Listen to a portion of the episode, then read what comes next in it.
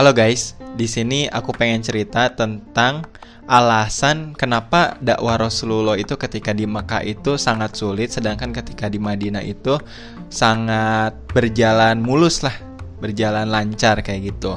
Jadi di sini aku pernah dengar satu kajian ataupun satu podcast juga kalau misalnya Rasulullah itu kenapa dakwah di Mekah itu sangat sulit sedangkan di Madinah itu sangat lancar dan mudah kayak gitu dan tidak berliku-liku lah seliku yang ada di Mekah. Jadi gini guys, posisi di Mekah itu waktu itu pada saat zaman Rasulullah itu berdakwah posisinya orang-orangnya itu adalah orang-orang yang udah pada tua, orang-orang yang kolot. Kalau misalnya kita bisa bayangin lah orang-orang yang ada di Indonesia lah yang kita ada di suatu desa yang masih ada ininya apa? Yang petinggi-petinggi yang orang-orang tuanya orang-orang tuanya. Kan itu tuh emang kalau misal udah ngomongin ataupun tentang adat itu udah saklek banget gitu. Itu juga hal yang sama yang terjadi pada saat zaman Rasulullah ketika di Mekah itu. Jadi banyak petinggi-petinggi yang udah tua-tua, orang-orang tua yang emang saklek terhadap agama nenek moyangnya, kebiasaan nenek moyangnya, yaitu menyembah berhala, terus melecehkan perempuan, terus ya membunuh ataupun mengubur hidup-hidup anak-anak perempuan ya pokoknya yang kayak gitulah ya namanya juga jahiliyah kayak gitu. Jadi susah dakwah Rasulullah itu masuk.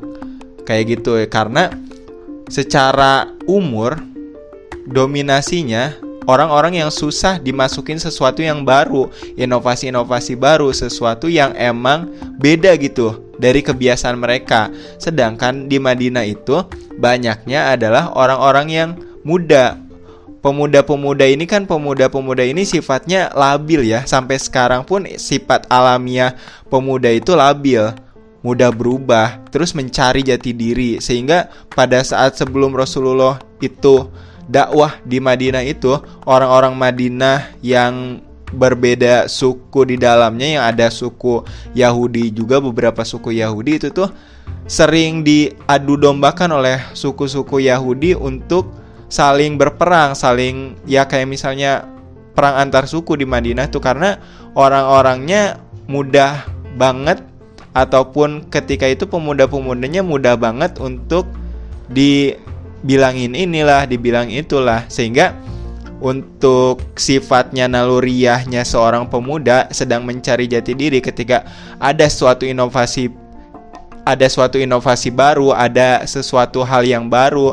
terutama Islam yang dibawa oleh Rasulullah Muhammad SAW kepada Madinah itu mereka tuh melek gitu mereka tuh melihat bahwa perubahan ini sangat bagus untuk kehidupan mereka di Madinah untuk kehidupan selanjutnya untuk menjadi sesuatu pribadi ataupun komunitas ataupun orang-orang yang lebih baik ke depannya terutama untuk mengedepankan wilayah mereka kayak gitu itu makanya kenapa di Madinah itu dakwah Rasulullah itu sangat lancar. Ya bisa dilihat lah, bisa dikorelasikan dengan zaman kita sekarang bahwa kalau misalnya orang-orang tuh orang-orang yang pengen mempengaruhi mempengaruhi orang-orang tuh kan nggak mungkin ke orang-orang tua gitu.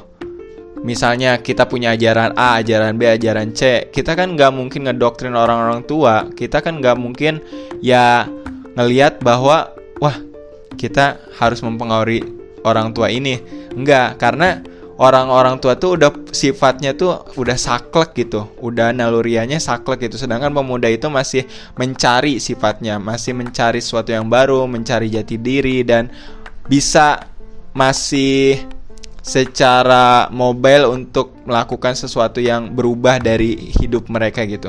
Oke, cukup sekian. Terima kasih Alsioran.